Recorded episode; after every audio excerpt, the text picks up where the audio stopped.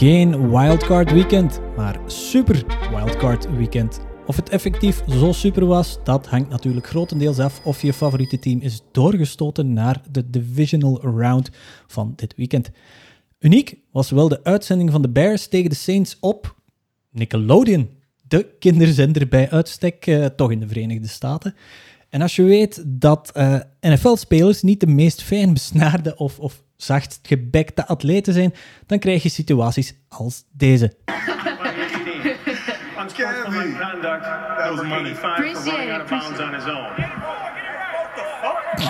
All right.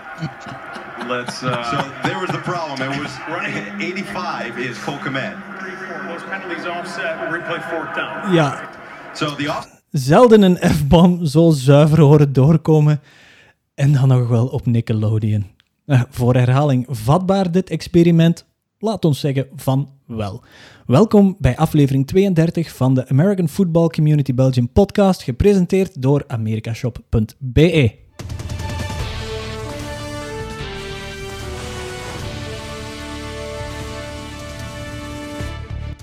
En van americashop.be gesproken. De eerste giveaway die eh, hebben we vorige week in gang eh, geschoten. En die sluiten we dus vandaag af. Jullie moesten oftewel de Facebook-post van de podcast delen op jullie tijdlijn. Of jullie konden eh, de podcast-post, ik heb dat moeten oefenen voor de uitzending, konden delen in jullie Instagram-stories. En daar zijn twee winnaars uitgekomen. Die maken we op het einde van deze uitzending bekend. Dirk, die is erbij vandaag. Goedenavond, Dirk. Goedenavond. Je, ja, je hebt daarnet die F-bom van Cordarrelle Patterson gehoord eh, tijdens de uitzending op Nickelodeon. Als je op 10 een, een, een, een score moet geven, hoe, hoeveel zou die dan krijgen? Gewoon de situatie, de. F-bom zelf. 11. Elf. Let's go up to ja. 11. Dat is hilarisch gewoon. Ah, ja, het- hier is dat nog vrij normaal. Ah, Hier mag je vloeken in België. In Amerika is echt heiligschennis. En ik dacht eigenlijk dat er een, eh, dat er een soort vertraging op zit op die Amerikaanse wedstrijden om net zulke dingen te vermijden. Ja. Maar het is inderdaad... Het was de zuiverste F-bom die er ooit doorkwam.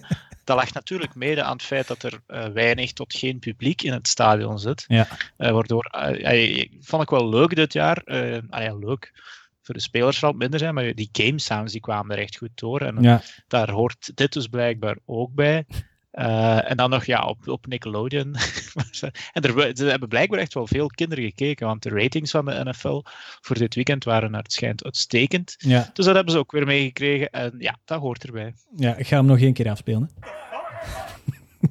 Laurens, eh, jij, hebt die gegarandeerd, jij bent die gegarandeerd ook tegengekomen ergens op het internet, hè? Ja, absoluut. Eh, Ja. het was alleen een beetje verrassend eigenlijk dat het eh, zo lang geduurd heeft voordat we ergens live op televisie een, eh, een F-bom gehoord hebben. Want uiteindelijk, ja, eh, we zijn nu week 18 eigenlijk Ja. in, een, in, in het seizoen. En eh, het is eigenlijk de eerste keer dat we het zo luid horen in een ehm, seizoen met, eh, of eigenlijk zonder fans. Dus Ja. het was eigenlijk meer een verrassing dat het tot nu geduurd heeft voordat we zo'n dingen gehoord hebben. En inderdaad, zoals Dirk zegt, ik had het inderdaad ook zo op dat de, de live coverage een beetje achter zat om dat soort dingen eruit te filteren. Maar blijkbaar was het bij Nickelodeon eh, niet gelukt. Misschien Ja. ook omdat het de allereerste keer was dat ze het gedaan hebben. Ehm, en Nickelodeon zelf, ja, die wedstrijd was niet live eh, in, die, in dat format te volgen op eh, NFL Network, waar Nee. de- denk ik de meeste van ons eh, naar kijken op de wedstrijden.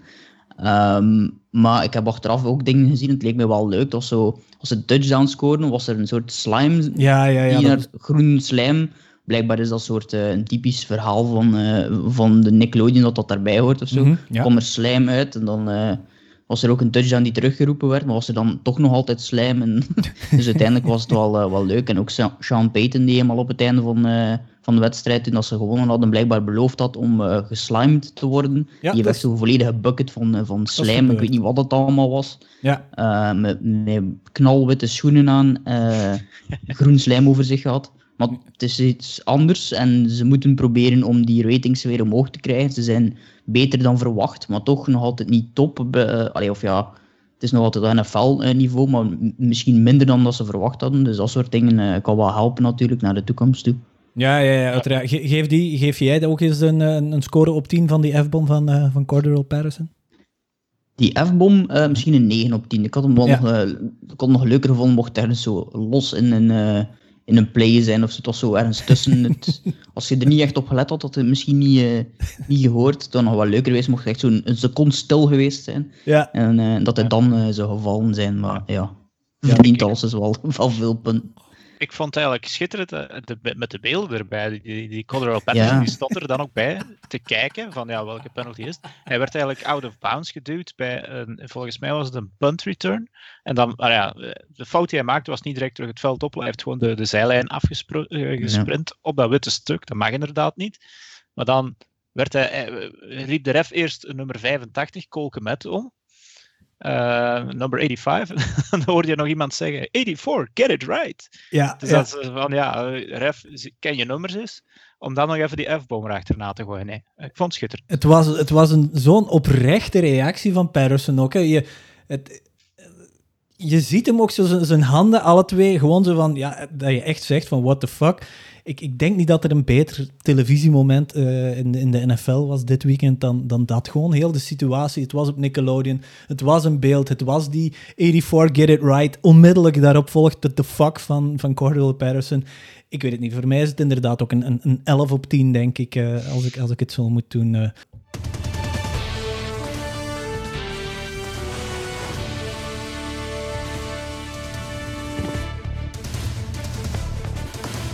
De match voor, het, voor de National Championship, voor de, eh, de kampioen van het eh, Amerikaanse collegevoetbal bekend te maken, die was maandagavond eh, gespeeld tussen Alabama en tussen Ohio State. En Dirk, hoe lang is het een spannende wedstrijd geweest? Eén kwart, toch nog. Toen was het 7-7. Eh, maar aan de rust stond het eh 35-17. Eh, en was het eigenlijk al voorbij, want ik heb eh, er nog stukken van gezien achteraf. En net vlak voor de rust was de eerste keer dat Alabama moest punten. Dus dat wil zeggen dat eigenlijk eh, Ohio State het nog goed gerokken heeft in het eerste kwart met hun Ja. drives.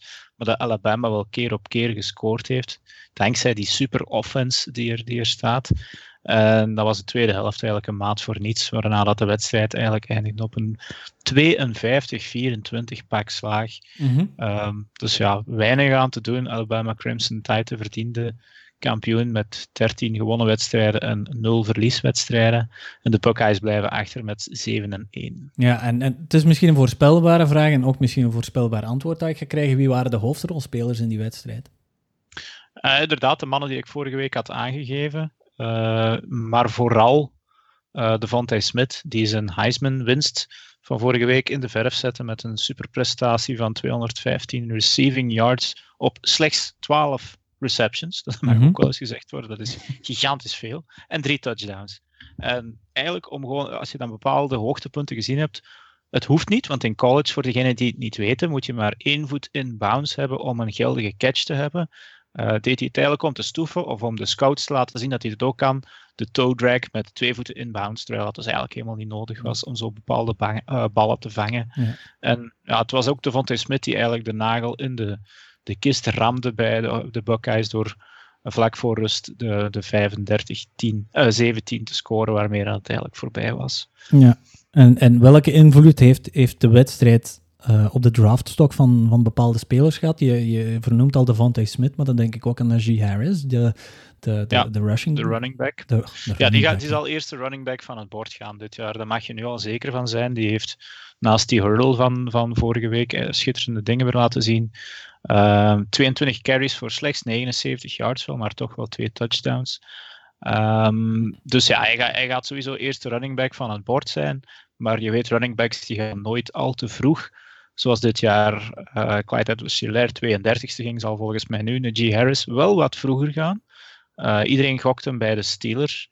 En dat lijkt me Hmm, inderdaad wel een ja. goede plek. Rond, dat zal daar rond de, ja, wat is het nu, 25e plaats Mhm. ongeveer zijn, zeker. Ja. Maar ook Mac Jones, de quarterback, gooide 464 yards en 5 touchdowns. Natuurlijk, als er 52 punten gescoord wordt, komt de quarterback ook goed uit de verf.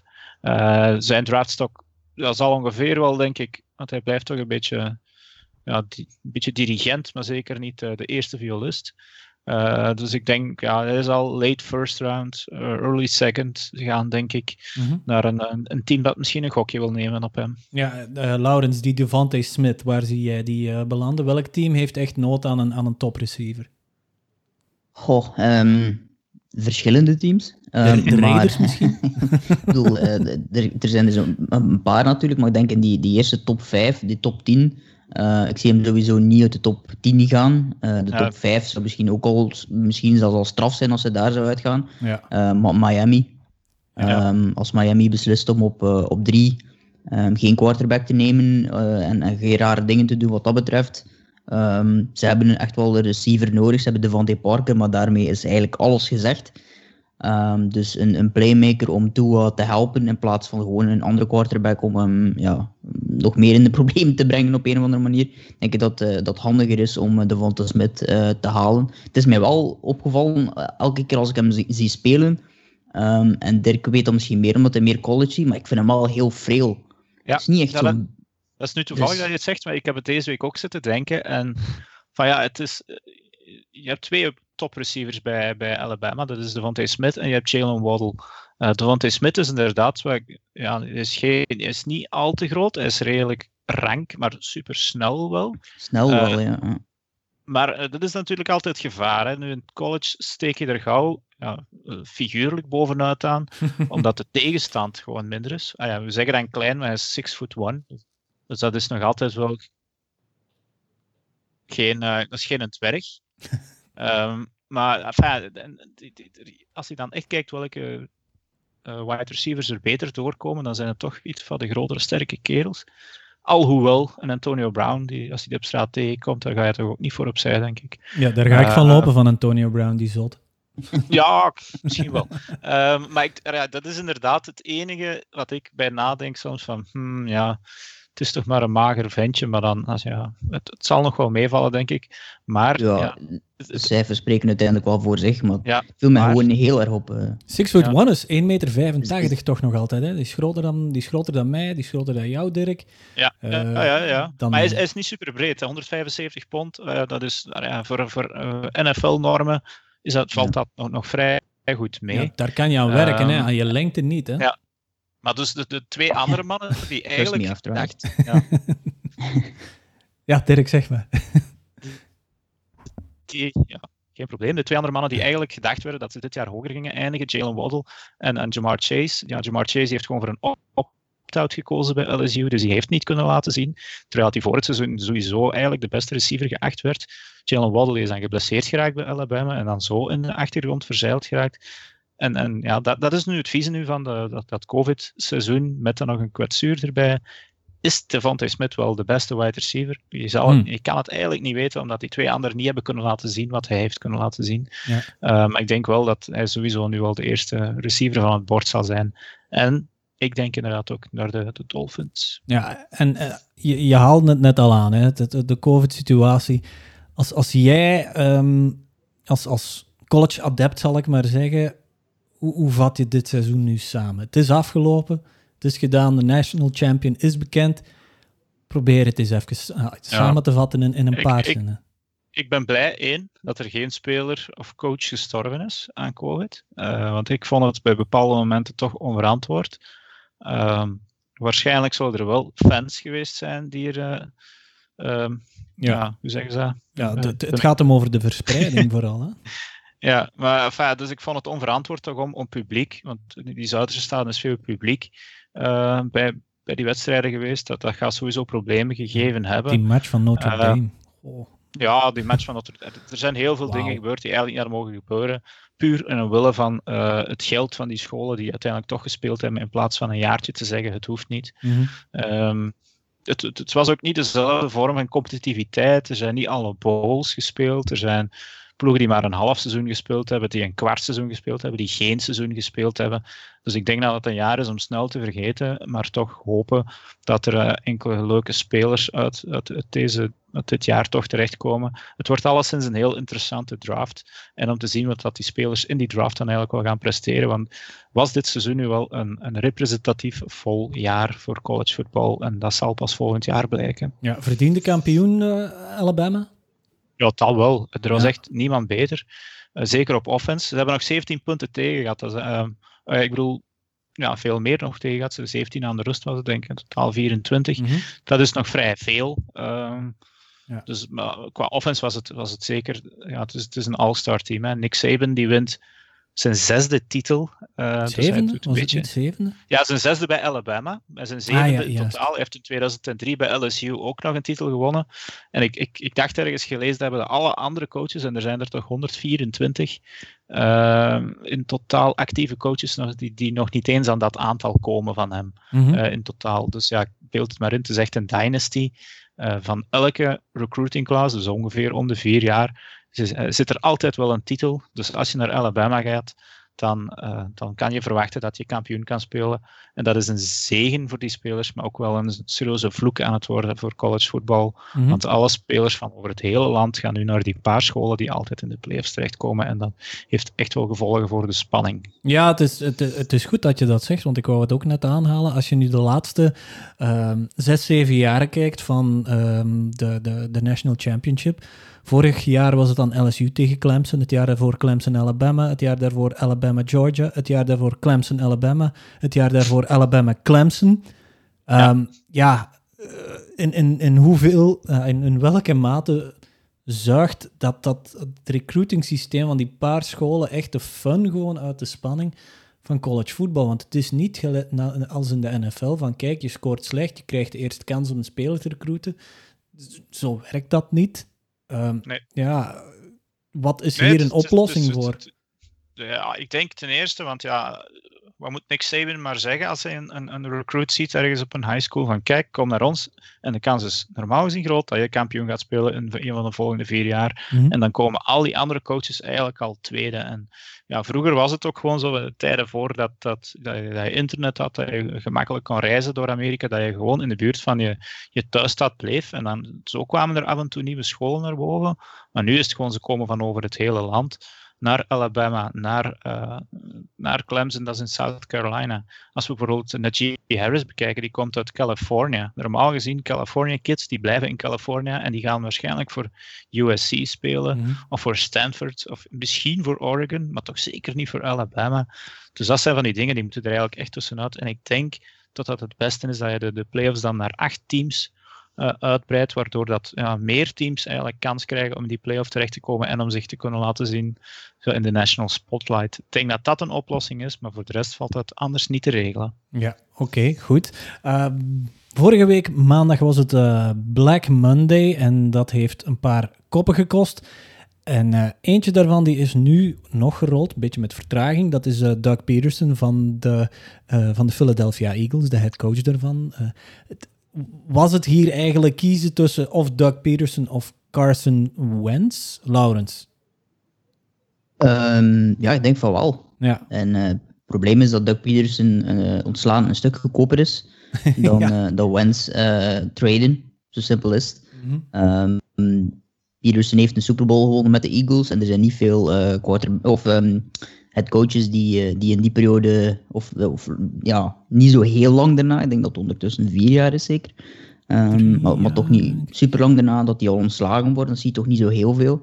ja. Ehm, maar ik denk dat er dit jaar iets te veel gebeurd was met, ehm met eh Wens en dan daarna Hurts die erin komt en dan het eh Sutveld conundrum met, met op het einde van het, ja, ja, die ja. wedstrijd nog Sutveld erin te gooien om dan te zeggen dat het eh, meaningful raps moesten zijn voor Sutveld, terwijl dat hij gewoon eh volgend seizoen zelfs nog geen, geen contract meer heeft bij de Eagles, dus het stoert nergens op.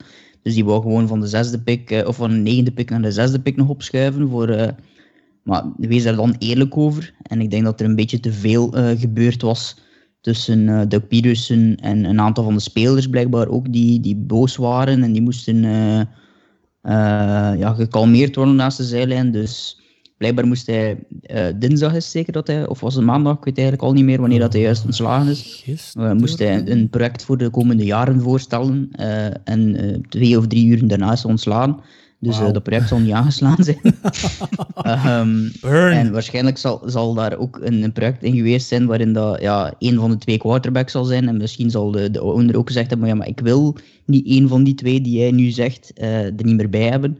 Ehm, dus ik denk dat het, het, is, het is spijtig, want het is nog altijd wel een, een goede coach, denk ik. Uh, maar dit jaar is er gewoon te veel gebeurd. En tussen de spelers en hem is er te veel gebeurd. Maar als ik bijvoorbeeld de Jets ben, En ik weet dat Doug Peterson op dit moment een vrije coach is. Hmm. Ik, ik bel op de mensen wel eens. Ja, Dirk, Ja. Hoe, hoe zie jij dat?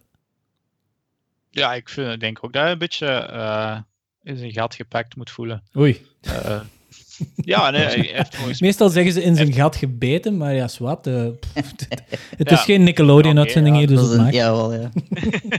Ja, goed. Ja, oké. eh, Doe, doe geen deugd, denk ik. Dat wil ik maar zeggen. Ehm, hij heeft ge, ah ja, getankt, denk ik. En dan als stank voor dank wordt hij ontslagen. Eh, ja, zo kan je het toch een beetje zien. Maar ze kiezen gewoon voor Carson Wentz. Of ze kiezen voor het geld, ik zal het zo zeggen. Het is een business Een, coaching decision, contra- ja, een coachingcontract zit, als ik oeh, opgepast, eh, zit volgens mij niet in de salary cap. Eh, en, en dus daar kunnen ze eigenlijk nog een beetje frivol mee omgaan. 10 miljoenen van Carson Wentz voor volgend jaar niet.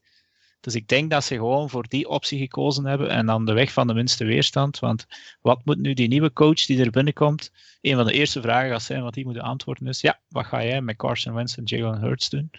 En, en ja, als je dan al weet dat ze die man twee, hoeveel is het, zoveel miljoen moeten betalen, dan eh, kan je maar beter een goed antwoord klaar hebben. Hmm. Ehm, dus ik, ik, ja, ik vind het een beetje een vreemde oplossing. Maar ja, ze kiezen gewoon los voor het geld. Dat is niet de eerste keer in de NFL, denk ik. Ja. En ik denk dat Doug Peterson misschien zelf direct eh, kan doorsteken naar de Jets, waar hij toch wel wat contacten heeft, naar het schijnt. Ja. Om daar misschien eh, de head coaching job gaan, te gaan opnemen. Ja, wis- wisten jullie dat er een, ehm, een standbeeld aan het, aan het aan Lincoln Financial Field in Phil- Philadelphia staat? Daar staat ehm, Doug Peterson en Nick Foles. En daaronder staat dan eh, de, het citaat van Do you want to do the Philly Philly? Dus die beroemde eh, play waar dat eh, Nick Foles die touchdown ving tegen de Patriots. Geen een van die twee zit nu nog in Philadelphia. Dus Ja. dat is... Ja, Ik, ik, wist, ik wist dat er standbeeld stond van Foles, van Peterson wist ik niet. Ja, ze staan, Ja, er, dus- allebei, ze staan er allebei ja, zo naar, naar elkaar toe, alsof ze met elkaar aan het spreken zijn. En dan onderaan staat dat citaat van die Wanna do the Philly Philly. Ehm, ja, ik, toen als ik er ben gepasseerd, stond het er nog niet, volgens mij. Maar ik denk dat dat rijp is voor, eh, ja, voor eh, eBay of zo, denk ik. Want ik weet niet dat mensen daar nu nog met plezier gaan, eh, gaan aan passeren. Swat. Ehm, Ja, maar als je nu een headcoach bent en ze bouwen vanuit Philly, ik, ik zou niet echt heel veel hoesting hebben, nog sinds om, om naar daar niet. te gaan. zeker niet. bedoel, er zijn nog, ik bedoel, ze zitten nu al 73 miljoen dollar boven de cap voor volgend jaar.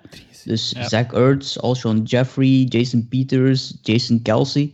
De kans is groot dat al die veterans van bij de Super Bowl, dat die ook allemaal gaan weg zijn om dat, Ja. dat, dat geld ervan eh, van die cap te halen. Dus Hmm. eh, het wordt echt wel een rebuild voor, eh, voor Philly. Ja, het zijn, het zijn de meest intense fans ook, ehm, naast die van de Buffalo Bills misschien. Want ja, die... Een paardenstront weer beginnen eten. Het is niet het moment om dat weer te doen. Hebben dat gedaan, hè? Bij de, bij de parade van de Super Bowl was, was er. ehm, Ja, juist. Een, een- Oh. ja, dus, dus het is nu misschien het moment om weer te doen, maar dan het pure miserie in plaats van euforie. Het, het is de moment voor terug dit af te spelen. Oh. Ja, sorry, dat ga ik nog wel doen door de uitzending. eh, die F-bom een beetje, een beetje droppen, denk ik. Eh, van eh, ja, mensen die willen vertrekken. Of ja, moet ik het zeggen. Doug Peterson is moeten vertrekken. En iemand die ook wilt vertrekken bij zijn ploeg, dat is Deshaun Watson, de quarterback van de, ehm, van de Houston Texans. Daar zijn eh, geruchten rond dat hij wilt getrade worden. Maar ja, het, het is sowieso al één grote clusterfuck daar in, daar in Houston met, eh, met het Bill O'Brien eh debakkelen van dit jaar. Maar dan wil Deshaun Watson hun, ja, hun franchise quarterback toch? Als die wilt vertrekken, wat, wat, wat zou de waarde van een Deshaun Watson zijn, Dirk? Ik denk op zijn minst drie, eh, drie first round picks. Eh, misschien dat ze het zelf doorhebben als ze twee first round picks voor Laramie Tunsil gegeven hebben. plus nog een speler en dan nog wel wat compensatie. Ik denk dat de Sean Watson op zijn minst eh, drie eh, first Mhm. waard zou zijn. Moest Bill O'Brien er nog zijn, hij zou misschien eh voor ene weg doen. Eh, gelukkig voor de Texans is hij er niet. Maar het is inderdaad wel een fucked up situatie daar in, in Houston. Het enige echte interessante aan die ploeg was nog de Sean Watson. En nu wil die eigenlijk ook weg, omdat er intern wat gebakkelei geweest is bij het aanstellen van de GM. Dus ja, ik zou zelfs niet weten ook eh, wie daar als coach wil beginnen. Eh, Doug Peterson? ja, nee, dat denk ik niet. Ja. Maar ik heb er dus een beetje verder over opgezocht en het is inderdaad echt wel een, die eigenaar, Cal McNair, is het schijnt echt iemand die, die geen haar op zijn tanden heeft. En ja, dan, dan begin je te begrijpen hoe dat zulke dingen met Bill O'Brien zijn kunnen gebeuren. En het is echt wel een franchise in, ja, in, in, in een neerwaartse spiraal. Mhm. Waarbij dat er nog één groot lichtpunt is, de Sean Watson. En dan mag je misschien inderdaad niet verschieten dat hij ook zijn beste jaren van zijn carrière daar niet wilt eh, verslijten. Ja, Laurens. Ja, ik denk ook twee of drie eh, first round picks. Misschien dan, dan kun je die derde misschien nog eh, tussen haakjes plaatsen als, als er in die trade ook een quarterback zit. Mhm. Eh, want er is bijvoorbeeld gesproken over Miami. Dat Miami een mogelijkheid heeft omdat die heel veel draft capital hebben en ruimte onder de cap. Juist. Ehm, en die kunnen een quarterback eh, teruggeven in, in Tua Tagovailoa. Maar ja, dan moet je weer opnieuw beginnen. Oei, Ehm, naar dus ja, het is zoals dat Dirk zegt en zoals dat jij zelf zegt. Ja, er is gewoon ge- geen echte directe toekomst bij, eh, bij de Texans. Maar ehm, ja, Er, er zijn nog franchises waarvan we het lang gedacht hebben dat er geen toekomst in zat. Eh, eentje waarvan die, die dit seizoen, of ja, deze week gewonnen hebben in de playoffs. Ehm, dus alles kan in de NFL, maar ik zie niet, niet meteen een, eh, een, een goede uitkomst bij, bij Houston. Nee, ik hoop, ik hoop als Deshaun Watson daar vertrekt, dat ze dan eh, J.J. Watt samen met, een, eh, met hem in een pakket steken. Want ik heb medelijden met die, eh, met die man. Die, Ja, die ziet er al heel het seizoen miserabel uit. En verdient dat gewoon niet. hè. Ja, dus iemand die eigenlijk verdient om een Super Bowl te winnen. Hè. Ja, als- iedereen kijkt naar zijn, eh, zijn cv, zijn resume, wat hij Mhm. allemaal gedaan heeft in zijn carrière, er is maar één ding die ontbreekt. Ja. En dat is Super Bowl. Ja. En dan kun je een conversatie hebben over in welke top 3 of welke top 5, maar lager niet, eh, dat hij zit van beste spelers aller tijden op, op defense. Dus. Maar Mhm. die Super Bowl ontbreekt. Zonder die Super Bowl is die conversatie een stuk moeilijker. Ja, ja, we hopen het hem, ja, we wensen het hem eh, natuurlijk allemaal toe. Goed, er zijn dit weekend eh, zes wedstrijden gespeeld. Ik denk dat het tijd is om ons licht daarop te werpen.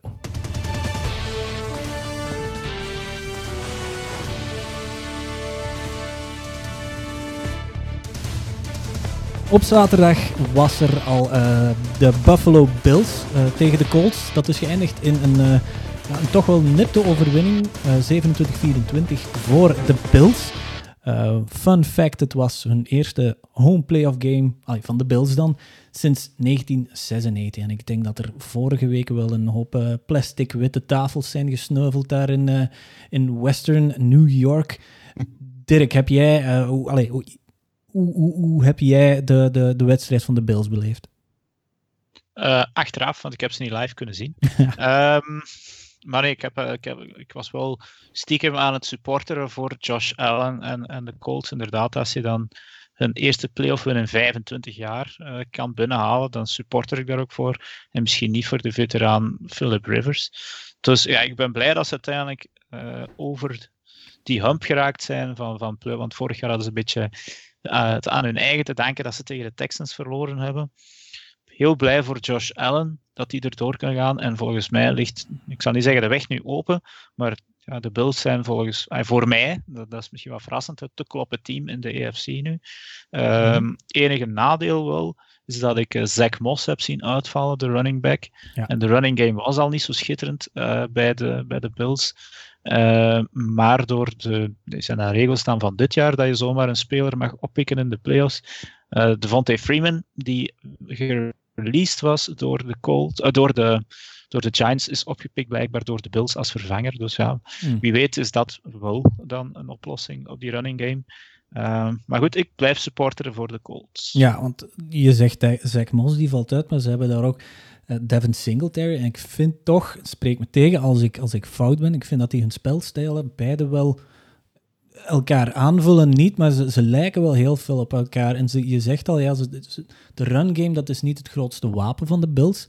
Dus daar gaan ze, um, daar gaan ze dit weekend uh, volgens mij toch ook niet al te veel gebruik van moeten maken, denk ik. Want ze spelen tegen de Ravens.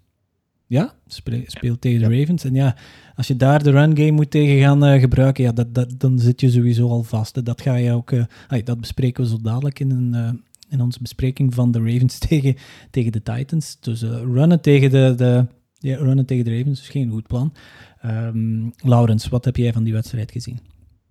Ja, ik heb eh, eigenlijk hetzelfde genoteerd eerst als, eh, als Dirk. Running game baart me zorgen en Zach Moss out. Dus Mhm. dat was hetgene dat ik ook eh, had genoteerd. Maar ik denk op dit moment van alle spelers, eh, misschien samen met, eh, met Lamar Jackson, is Josh Allen op dit moment het, het meest in vorm en Mhm. op het hoogste niveau aan het spelen. Ehm, en Ja. samen met Diggs, hè. Ik bedoel, het, is, het is een combinatie van die twee samen die, die de Bills de voorbije weken gewoon naar eh, naar misschien wel ongekende hoogtes eh, hebben gestoten. Hè. Een defense is eigenlijk eindelijk op niveau aan het geraken. Ik had meer verwacht van een defense eigenlijk in het begin van het jaar. eh, maar ze zijn er eigenlijk wel ehm, iets beter aan aan het komen. Mhm. Ehm, zeker naar het einde toe. Die wedstrijd was uiteindelijk toch nog dichter dan, dan, dan het leek uiteindelijk. Ehm, en hebben ze uiteindelijk ook wel de wedstrijd doodgedaan. Maar wat mij vooral ook wel een beetje, ehm, ja, hoe moet ik het zijn? Ik, ik ben wel verrast van de Colts sowieso dit seizoen. En eigenlijk hebben de Colts maar één probleem en dat is op quarterback. En dat zou je bijna niet verwachten voor Philip Rivers. Maar ze hebben zoveel jonge talenten bij de Colts. Eh, die running backs, we hebben nu Naheem Hines en Jonathan Taylor, zeker Jonathan Taylor de voorbije weken gezien. Ja. Marlon Mack is nog uit voor de heel, eigenlijk al heel het seizoen. Dus die komt ook terug volgend seizoen. Michael Pittman op receiver, ook die Zach Pascal, die is ook nog maar 26 of zoiets. Op defense hebben ze de Forrest Buckner, eh, Darius Leonard. Ehm, dat, dat is een team, als die een goede quarterback hebben, en ik zeg niet dat Philip Rivers geen goede quarterback is, Het is een oude niet de quarterback. quarterback van... Ja, een oude quarterback. Maar als die een jonge quarterback hebben, hebben die ook een aantal jaar mee kan, dan gaat dat een team zijn die heel vaak eh, in de playoffs zit. En, eh, maar ja, zoals de Bills eigenlijk. Hè. De Bills zijn de komende jaren ook eh, heel erg stacked en, en ook veel jonge spelers. Ik denk dat eh, er was zo één play bij die touchdown waarin dat Josh Allen helemaal naar rechts eh, gaat en dan de, de announcer zijn ook van he's the runner en uiteindelijk gooit hij de bal en dan zegt hij oh no, he's the thrower. En dat Ja. is eigenlijk de perfecte ja, beschrijving van Josh Allen. ik bedoel, ik kan allebei uitstekend. Ja. Ehm, dus je hebt een probleem als hij de bal gooit, je hebt een probleem als hij de bal eh, loopt. Dus Ja. dat is een beetje Lamar Jackson, maar dan ja, eh, ja, in een ander uniform bijna. En het is ook wel een andere stijl van lopen en ook van gooien. Ja. Maar toch, ehm, Josh Allen op dit moment eh, misschien wel samen met Diggs het meest ja, in, in vorm. En dat is gevaarlijk. En het, het enige team, misschien de Bills, die op offense mee kan met de Chiefs. Eh, ehm, als het Ja. echt een shootout wordt, dan gaan er niet veel teams mee kunnen met de Chiefs. Ehm, en een van de weinige teams die dat zal kunnen, zal, eh, zullen eh, de Bills zijn. Oké, ja. Ik heb, ik heb een... Ja, Dirk, zeg maar. Ja, ik misschien nog even de, de Colts uitzwaaien. Ehm, want het gaat dan nu even over de winnaars. Maar ik vond de Colts wel het beste verliezende team van dit weekend. Ze waren, Die- die ze waren het betere team, vond ik. Ze waren, ze waren het betere team, vond ik, in die wedstrijd. En dat doet pijn om te zeggen als ik tegen, Ja. eh, tegen mijn boy Josh Allen eh, moet gaan spreken. Maar ik, eh, want het, het, was Ah, heel, het, het was heel dicht. En ik denk eerder dat de Colts hebben verloren omwille van een paar discutabele beslissingen toch van, van, van Mike Vrabel. Waaronder een, Dat is de, de, die, die punt, hè. dat is de coach van de- Titans. Dat is, eh, Ah, anders, eh. Oei, oei, oh, gewoon mij. Sorry, sorry. brain fart. Ehm, noemt Frank? Reich. Frank Reich, ja. Frank, ja, oké. Mai, sorry. Nee. Ik ga mijn mond wassen Nee, met maar- zeep even. Maar het is inderdaad, de toekomst ziet er goed uit voor de Colts, denk ik. Eh, en misschien dat Laurens inderdaad gelijk heeft. We moeten ze volgend jaar nog eens 25 miljoen richting een eh, tussen haakjes oude man als Philip Rivers gaan gooien. Of eh, ik denk dat ze in de eerste ronde van de draft wel als quarterback kunnen gaan. En dan misschien Rivers ook nog een contract aanbieden. En dan eens zien wat er gaat gebeuren. Mhm. Ik denk Eh, dat Matt Stafford eh, volgend seizoen in Cold speelt. Dat, is een- Dat zou ook dat is mooi zijn. Save Ja. Matthew Stafford. Ja, het zal wel zijn. Eh, ik heb hier nog een fase die ik wil laten horen en ik wil, ik wil daar jullie, jullie mening even over van, van deze wedstrijd. pop free from what I saw before. So Gene Steratore is going to join us right now. He's watching this in real time, just like us. I know he can. Yeah, I, and I agree with Charles. Look, Zach Pascal goes down on his own, but he's not giving himself up. So now he gets up off of the ground, not touched down by contact, in my opinion, with any body part down that would have put him down there. And then as he is being tackled, to me, the ball comes loose prior to him or a body part hitting the ground, which would have put him down by contact. I believe this is a fumble, guys. Ja, eh, komt het herkenbaar, ai, komt het bekend voor? Ja, mij wel. Dat is Brian. Nee, nee, het, was, het was een van de laatste plays van de wedstrijd, Ja, dacht ik. Hè? ja. Ehm, waarbij dat eh, Rivers, ja, dat misschien toch ook nog vermelden, zoiets. Eh, Rivers gooit een bal richting Pascal. En Mhm. wat doet hij? Want ja, in de NFL ben je niet eh, down als je met de knie neergaat, zoals in college, maar moet je aangeraakt worden. Hij denkt van, ja, ik weet niet waarom. Hij denkt nog een paar meter te kunnen gaan winnen, zeker. Ja. Maar hij staat dus recht en mee dat de knie van de grond komt en er dus eigenlijk terug een runner wordt, eh, wordt de bal uit zijn handen geslagen. En Mhm. eigenlijk was het gewoon een fumble en moet de wedstrijd op dat moment voorbij zijn.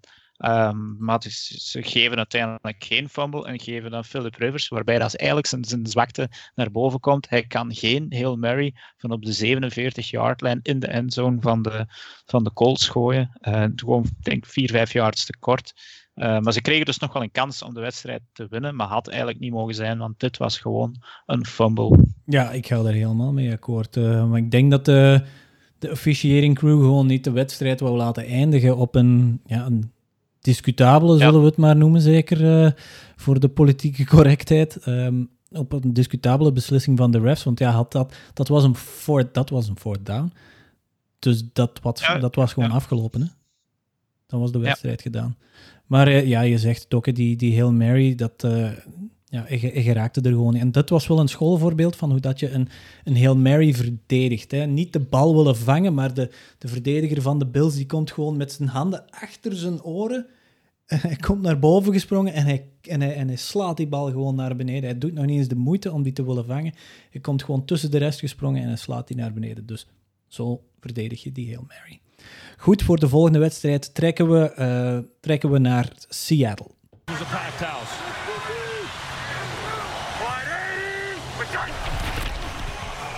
Design quarterback run. That's something they don't do. And Wolford may have gotten dinged. That was Adams, and Wolford got hit in the helmet. And you have to just hope that he's okay. It was shoulder to helmet. Yeah, it should. Uh, in fact, there is a flag on the ground, and rightfully so. They Yeah. threw the flag, but the question is, is Wolford okay? No question. They're tending to him now. Ja, de Rams die trekken hun traditie eh, voort van borderline vreselijke, eh, on, ja, onbekijkbare wedstrijden te spelen. Eh, wat, wat was er eigenlijk nog saaier dan deze wedstrijd? Dan moeten kiezen tussen ja, dingen als het kameruurtje van Villa Politica of, eh, of een conversatie met mensen die zo de term om een lang verhaal kort te maken gebruiken. Ehm, ik, ik weet ik, ik, ben, ik ben in slaap gevallen. Ik heb hier weinig van opgeschreven. Ik denk dat die, die blessure van John Wolford, dat dat nog eigenlijk de enige noemenswaardige echte situatie in die, in die wedstrijd was, naast dan nog blessures van Aaron Donald. Ehm, maar, maar ja, de Seahawks bijvoorbeeld, wat is daarmee gebeurd? Dirk, wat, wat, wat is er met de Seahawks gebeurd? Dat Eh, leek nergens Ras op. is een kookboek kwijt, ehm, denk ik. Nee, het, Moet dat van de Borinabond seizoen is het, gebruiken. is, is, is het van kwaad naar erger gegaan. Wat eigenlijk nog goed leek door dat 12 en 4 record, werd een beetje verstopt door het feit dat ze in die periode tegen eh, de NFC East en ik dacht ook de AFC East gespeeld hebben. Dus er waren, ja, was een beetje een cupcakes, een Hmm. cupcake walk en dan nog wat, wat close wins. Eh, en hun defense heeft er dan eigenlijk nog een beetje doorgetrokken. Maar ik vond het, ja, het- ze gingen er gewoon terecht uit. Tegen, tegen dan ook de Rams, die inderdaad, en ik verschoot mij ook een beeld dat er op het einde 30-20 scoren op het bord stond. Want net als jij was ik eh, ergens in het tweede kwart, toen het denk 3-0 of, of 3-3 stond, of 6-3, ik weet het niet meer, ook gewoon in slaap gevallen. En dacht van, ja mannen, wat is dit? Maar Oké, ja, defense win championship zeggen ze maar, maar ik weet niet dat deze Rams er zo gaan doorkomen. Maar de Seahawks moeten zich stilletjes aan vragen gaan stellen. En ze hebben dat vandaag gedaan, want ze hebben hun offensive coordinator Schottenheimer vandaag ontslagen. Ja. En waarschijnlijk ook terecht. ja, dat was nodig. Hè. Eh, Laurens? Ja, eh, wat eh, de Rams betreft kunnen inderdaad zo heel saaie wedstrijden spelen, maar op zich, ehm, Aaron Donald, eh, Jalen Ramsey, als je die op je team hebt, dan speel je in principe niet met, met 11 op je defense, maar met 13 of met 14. Ehm, Donald heeft 13,5 sacks als defensive tackle. Dat is gewoon belachelijk. Ja. Ehm, en ja, dus In de Dus positieve zin van het woord, uiteraard. ja, de- in de positieve zin van het woord. En, en ik denk dat Jalen Ramsey heeft dit seizoen eigenlijk maar één interceptie, maar de enige reden waarom dat hij maar één interceptie heeft, is omdat iedereen doodsbang is om naar hem te gooien. Ja, ja, klopt. Um, hij heeft iedereen in een kooi gezet um, die, die tegengekomen is. En, en die ene touchdown met uh, Dikke Metcalf op het einde van die wedstrijd is dan ook zo, ja... Dat is garbage time, ja. Ja, dat is ook nog niet echt helemaal te vergelijken met echt iemand uh, kunnen uh, coveren. Um, maar ja, dat is het enige plezante aan, aan, aan de Rams, vind ik, is, is zijn die twee bezig zien uh, en af en toe eens op zo'n uh, coaches tape naar die twee kijken en, en zien hoe die gewoon iedereen het... Ik bedoel, Ramsey, um, of niet Ramsey, maar Donald heeft momenten waarin dat hij gewoon met zijn ene arm de ene guard omver gooit, met zijn andere arm de center voorbij uh, ook omver duwt. Het is waanzin om te zien, hij is nu geblesseerd. Um, en ik denk ook niet dat de, de Rams de Packers kunnen stoppen, want er is geen ja, ik weet niet wie de, de quarterback is. Um, dat zal, want dat zal ze zijn alle twee in principe zijn. geblesseerd. zal ja, Kof, Kof met negen vingers, denk ik dan maar. Hè? Ik weet ja, niet wat de andere optie is. Oftewel, een man met twee playoff wins uh, op zijn konto. Wie gaat dat zijn? Maar is dat Blake Bortles dan? Dat Blake is Blake Bortles. Ja, ja, ja dat, dat is eigenlijk een, ik denk ik vorige keer al, bij, bij, toen jullie vroegen wie de, de backup van de Rams was, dacht ik dat uh, Blake Bortles was, maar blijkbaar was John Wolford hem al voor. ja. um, maar ja, ik denk dat nu ook niet. Uh, maar ja, het is. Het is ik, ik vind die, de, de Rams met, met die twee op defense. Um, de Packers gaan, gaan meer moeite hebben met de Rams dan heel veel mensen denken. Ik denk dat ze gaan winnen, hè, de Packers. Ja. Maar uh, het, het, zou wel eens goed kunnen dat ze er meer last van hebben dan dat ze willen toegeven. Want, um, of dat, dat ze achteraf zullen willen toegeven. Want uiteindelijk met Leonard Floyd hebben ze ook iemand die, die heel vaak van op links uh, rusht. En ze hebben Bakhtiari niet meer, de Packers. Mm -hmm. ja, dus, uh, ze hebben wel iemand aangetrokken. Hè? Ze hebben de veldheer van de Colts. Dus ik ja. denk dat dat de enige, enige speler ja, is die voor die twee... high school aan het coachen was. Veldheer. Ja, schitterende naam, Veldheer, ja, inderdaad. Die, heeft dus, die gaat dus twee weken achterin de playoffs spelen voor een ander team. Ja, ja. Uh, maar die was high school coach voor, uh, voor die wedstrijd nog, hè?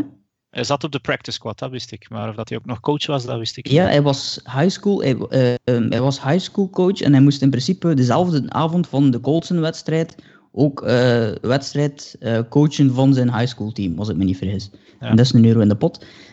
Um, dat mag zelf zijn voor daarin, hè, Boris. Ik had het wat um, nog niet door. Maar, maar inderdaad, dat van, van, um, uh, van Veldheer wist ik nu niet.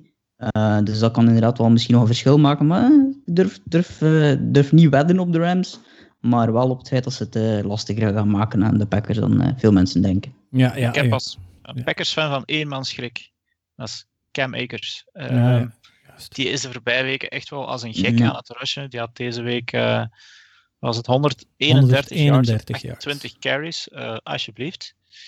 Um, en de Packers hun enige zwakte is eigenlijk de run defense. Dus ja. Ja, dat is de enige manier om de Packers te kloppen, is om ze met, met je eigen offense zoveel mogelijk op het veld te blijven. Zodanig dat Aaron Rodgers, die MVP daar, dat Ja. die langs de Mm, zijlijn blijft ja. staan. Dat is de enige manier om de Packers te kloppen. En als je een goede running back hebt die veel tijd van de klok haalt, eh, Mhm. dan, dan dat is, dat is inderdaad een optie. Als je dan ook een goede defense hebt, eh, die en af en toe een keer een tee-out eh, doet. Dat is de reden waarom dat ik denk dat er veel meer, eh, veel meer schrik bij de Packers zit voor de Rams dan dat, eh, dan dat, dat zou geweest zijn bij de Seahawks. Ja, ik zit ook met een ei in mijn broekse, maar...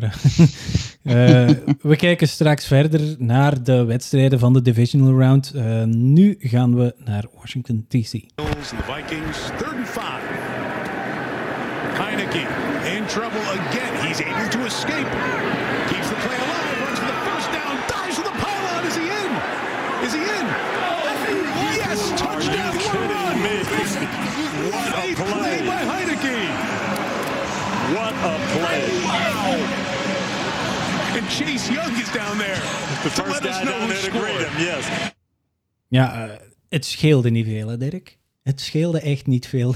Washington tegen de Buccaneers. Hè. De Vorige W is de W, ik heb het gezegd. Uh, Ja, ja, maar ze hebben tuurlijk. het inderdaad wel veel closer gemaakt dan dat ik mij, ged- mij kon inbeelden. Ja, maar ja, als je dan die Taylor Heineke, die, ja, is dat de vierde quarterback van, van Washington dit seizoen? Dus eh, eh, Kyle Allen, ehm, Alex Smith, dan die... eh, Dwayne Haskins. Dan Dwayne Haskins, die waarschijnlijk in de stripclub zat ergens. En dan Taylor Heineke, waar, dat, waar dat ze die vandaan haalden. Geen idee, maar het, wa het, het was inderdaad wel spannender dan dan ja, de meeste mensen hadden verwacht. Ehm, die Heineken die komt trouwens van, Dirk zegt die school jou iets, Old Dominion Monarchs. De Conference USA. Eh, ja, maar dat is zeker geen, geen topschool. Eh, zeker niet voor voetbal. Ik denk dat ze misschien eh, in basketbal ietsje sterker zijn, maar eh, het is zeker geen, geen topschool. En het was ook geen topnaam, eh, Nee. die Heineken. Het is echt een journeyman, het is niet dat je al nog maar een jaar of zo in de NFL Nee, zit. Hij zit al sinds 2015 Ja. in de NFL, dus die heeft nu zijn kans gekregen. Eh, maar ik denk ook niet dat we hem al op een, een piedestal moeten gaan zetten. Ehm, want wat, wat is er met die, jongen- die als er iemand nieuw binnenkomt, er is, geen, er is geen video van, ze kennen zijn spel niet. Ehm, maar defensive coordinators, als ze nu ene keer deze wedstrijd gezien hebben en misschien een paar andere wedstrijden die volgend jaar zouden volgen, gaan ze misschien wel eh en weten wonen. Ehm, dus ik ja, weet u zou als nog- wonen Taylor. ja, ik, ik zou nog niet te enthousiast worden over, over Taylor Heineke. Nee, Maar wie weet. Want ik kwam Ik van... ging net, ik ging net volledig heel enthousiast worden over Taylor Heineken. Ja, kom maar, kom maar, Laurens. Ja, nee, maar, maar doe ja, maar. het Ik is bedoel, een prachtige ja, wedstrijd, hè? daar niet ja, van. Maar, het- allee, ja, het is ja. geen wedstrijd. Ja, absoluut. En, en eh, dat is het, ook hetgene wat ik helemaal in het begin van het verhaal ging zeggen. Ik wil een fanclub oprichten voor Tyler Heineke, maar enkel en alleen maar gewoon voor die ene wedstrijd. Want ik weet dat als er een andere wedstrijd gaat komen, dat dat helemaal niet meer het geval gaat zijn. Hij leek op een soort... Die, die touchdown run was... was Dat is bedoel, als we daar gewoon ehm, kunnen CGI'en en we plakken daar Taylor... ehm, plakken daar. Kyler Murray op. Ja. Er is niemand die zegt, dat, dat klopt niet, hè. Dat was, Ja. dat was zo fantastisch gedaan. Ehm, maar ja, die, die kerel krijgt één kans. De kans is groot dat het bij die ene keer blijft. Maar hij gooit gewoon alles wat hij heeft, letterlijk en figuurlijk, eh, online. En dat vind ik fantastisch. Dat vind ik leuk om, om, om te zien in hetzelfde team waar, waar een kerel die, die kans na kans kreeg, het elke keer verprutste. In, in Haskins is het, ja, ik vind het fantastisch om te zien dat iemand als, als Heineke dan, dan nog die wedstrijd eh, probeert effectief te winnen. En, en zichzelf eh, ja, toch wel een beetje legendarisch maakt als vierde quarterback Ja. van, eh, van een team dat niet eens een, ehm, een winning record had, maar wel in de, in de playoffs stond. Ik vond, vond dat gewoon, ja, ik vond dat, ja, ik klap het eigenlijk al nu om, maar is mijn, eh, is mijn man van de week, omdat ik was zo onder de indruk van iemand die, die vanuit het niets komt Ja. en die waarschijnlijk daarna ook weer gewoon in het niets gaat verdwijnen. die gewoon die week eh, bijna nog eh, Tom Brady eh, naar huis stuurt in de playoffs. Dat, eh, dat was fantastisch. Ja, eh, bleef... Weet je, weet je waar hij backup was? Trouwens, vorig jaar. Ja, de, XF, de, de, de St. Louis Battlehawks in de Ja. XFL. In Ja, de ja. XFL was hij Is nog dat in de XFL inderdaad? ja, Ja, Ja. als Ah, dat is benchwarmer, dus ja. Ja, dat, is, dat is meer 2020. Ja, het is nu ondertussen 21, Ja. maar dat is weer zoiets, eh, ook een nafs. want die heeft, die heeft geen seconde Of, gespeeld ehm, vorig jaar. in de lijst dat een, een- een backup quarterback van de XFL eh, een quarterback eh, is in, of startende quarterback in de playoffs van de NFL. Ja, die, die heeft letterlijk geen seconde gespeeld vorig jaar bij de St. Louis Battlehawks. De enige highlight reel dat je van hem kan maken is dat hij in de kleedkamers een, een, een, een blikje bier eh, tegen zijn kop slaat en dan langs onder gewoon uitdrinkt. Dus dat was zijn highlight Ah, Ik reel. ben er nog meer van. Dat wist ik nog. Dat, weet ik. Ja, die, dat beeld herinner ik mij nog wel van Ja. de XFL. Dus, Ja, oké. En dan moeten we... eh, we moeten toch even nog met, met, met wat eh, pluimen gaan, denk ik, naar, eh, naar Brady. Ehm, een beetje tegen mijn goesting, uiteraard. maar eh, dat, zag er toch, dat zag er toch weer redelijk goed uit. Hè. 381 yards, twee touchdowns, eh, 22 van 40. Ja, het, hij, hoort, hij hoort thuis hier. Hij hoort thuis in de divisional round. En ehm, ze gaan nu spelen tegen de Saints. Saints, ja. Tegen de Saints, oké. nee, daar, daar zullen we het zo dadelijk wel over hebben. Maar ehm, de Buccaneers, ja, het bleef spannend tot op, tot op de laatste drive, waar, waar Taylor Heineke dan een diepe paas gooide die incomplete viel. Want, want ja, 31-27, dat is een, dat is een one-score game. 23. 22? was het. 23 was Ja? het, ja. 23, dat zei ik. Ah, oké, nee, dan eh, ben ik waarschijnlijk weer, eh, weer over mijn tong gevallen. Maakt niet uit. Oké, goed. ehm, we gaan dan even verder eh, naar de Ravens tegen de Titans. Justice Hill in the backfield.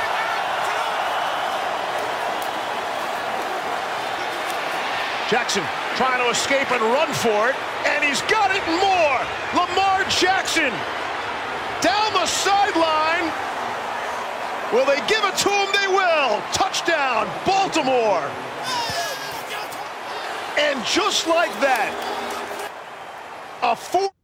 Ja, sinds die, eh, sinds die befaamde shitbreak van, van Lamar Jackson tegen de Browns blijft hij op MVP-niveau spelen. Hè. Eh, de Ravens kloppen de Titans 2013. Eh, Lamar Jackson die was 17 voor 24, 179 yards en interception, maar 136 yards rushing en een rushing TD die je net, eh, die je net hoorde. Hè. Eh, Dirk, wat, wat, wat voor kansen geef jij de Ravens nog? Ja, dus, eh, ze zijn nu misschien vertrokken, hè, want hij heeft die Lamar Jackson twee playoff-wedstrijden op rij verloren, nu de derde gelukkig gewonnen. Zij het een beetje nipt. Maar hij was wel beslissend, met, want hij stond 10-0 achter en er was ergens een stat dat hij nog nooit van een, een double-digit eh, achterstand was teruggekomen. Ja. Wat het nu wel deze keer dus gelukt is.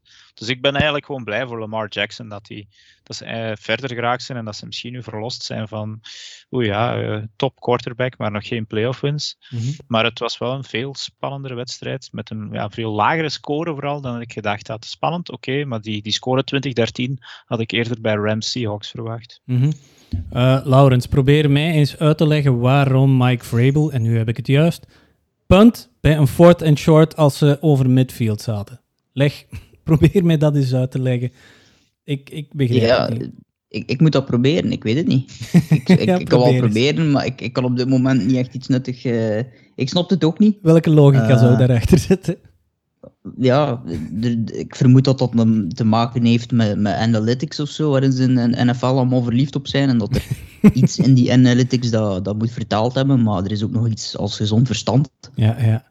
Ehm, en blijkbaar heeft eh, de analytics het op dat vlak gewonnen van het gezond verstand. Dus eh, Mike Vrabel vond ik, vind, of is, is gewoon een goede headcoach. Een topcoach. Eh, lijkt mij ook een hele leuke coach om voor te spelen. Maar daar gaat hij in mijn ogen wel de mist in. Mhm. Ehm, en zonder, er waren blijkbaar ook al wat problemen eh, tijdens de rust. Met Henry, of Derrick Henry was aan het discussiëren met Vrabel. ja, Ehm, dus dat had wel het gevoel dat er blijkbaar al wat aan de hand was. Ehm, dus is, was misschien niet eh, het finest moment van, eh, van Mike Vrabel dit weekend. nee, dat zag je wel. Hè. Er, wa- er was een moment dat, je, dat, dat Derrick Henry van het veld afstapt en je ziet echt Ja, Uh, Vrabel echt gewoon... allee, Derrick Henry maakt zelfs geen oogcontact, hij wandelt weg. En je ziet Vrabel echt gewoon... Ja, hij had een mondmasker op, dus je, je kan geen liplezen doen. Maar volgens mij kwam daar geen, kwam daar geen liefdesbrief uit die, uit die man zijn mond. Ehm, ja, en van Derrick Henry gesproken. 40 jaar. 40 jaar. Ik, moet, ik, ik kan het nog altijd niet geloven als ik het, als ik het gewoon nog eens lees. De Ja. minste yards van heel het seizoen. Hè. Dus, ja, eh, en ik denk ook niet alleen het feit dat hij 40 jaar heeft. Ik denk dat er één run bij was van 20. Ehm, en als je het dan allemaal bekijkt, dat er uiteindelijk 2,2 yards per carry is. Vooral dat. ja, ja. Eh, dat, ja, daar, daar haal je niks mee. hè. Dan mag je drie keer rushen, dan ben je nog altijd niet aan, aan de first down. Ja. Ehm, als je dat gemiddelde neemt. Dus ja, het, is niet onmogelijk voor de Ravens om zonder Henry te winnen. Maar het wordt wel heel, heel, heel moeilijk de als, Titans. als eh, de Titans. eh, de Titans. Ja, het wordt inderdaad wel heel moeilijk voor de Titans om een wedstrijd te winnen als, eh, als Henry niet voluit Ja. vliegt. En, en ze hebben wel met, met Tannehill en, en AJ Brown wel nog twee andere wapens. Tannehill wordt altijd een beetje onderschat, maar ik vind dat dat niet nodig is. Ehm, en het is een team dat de volgende jaar nog wel een paar keer zal terugkeren, maar de defense is een probleem. Defense is niet goed genoeg. Mhm. Ehm, en het omgekeerde was eigenlijk zeker dit weekend eh waar voor de Ravens. Hè. Ik denk Ja. dat de Ravens ehm, op dit moment eh, ja, een van de beste defenses samen met de, de Saints hebben op dit moment. En, en de, de, de Rams, ik denk dat dat de top drie defenses zijn op dit moment. Eh, de Browns hebben wat blessures. Ehm, maar de Ravens zeker, hè, eh, die, die, eh, die zijn op dit moment wel ja, echt op, eh, op, op, een, ja, op, op een wolk aan het spelen. dus op, bij, aan beide kanten van de bal. En dat is belangrijk. Ja, de langste run van Derrick Henry was er eentje van. Wel geteld 8 yards. Ah, ja, Dus, eh, ik zelfs, eh, zelfs, was ik zelfs nog een beetje te, te veel. eh. Te dat is een beetje het cliché. Hè? Kijk, ik ging het er net eigenlijk nog zeggen, ik was vergeten vertellen over de Ravens.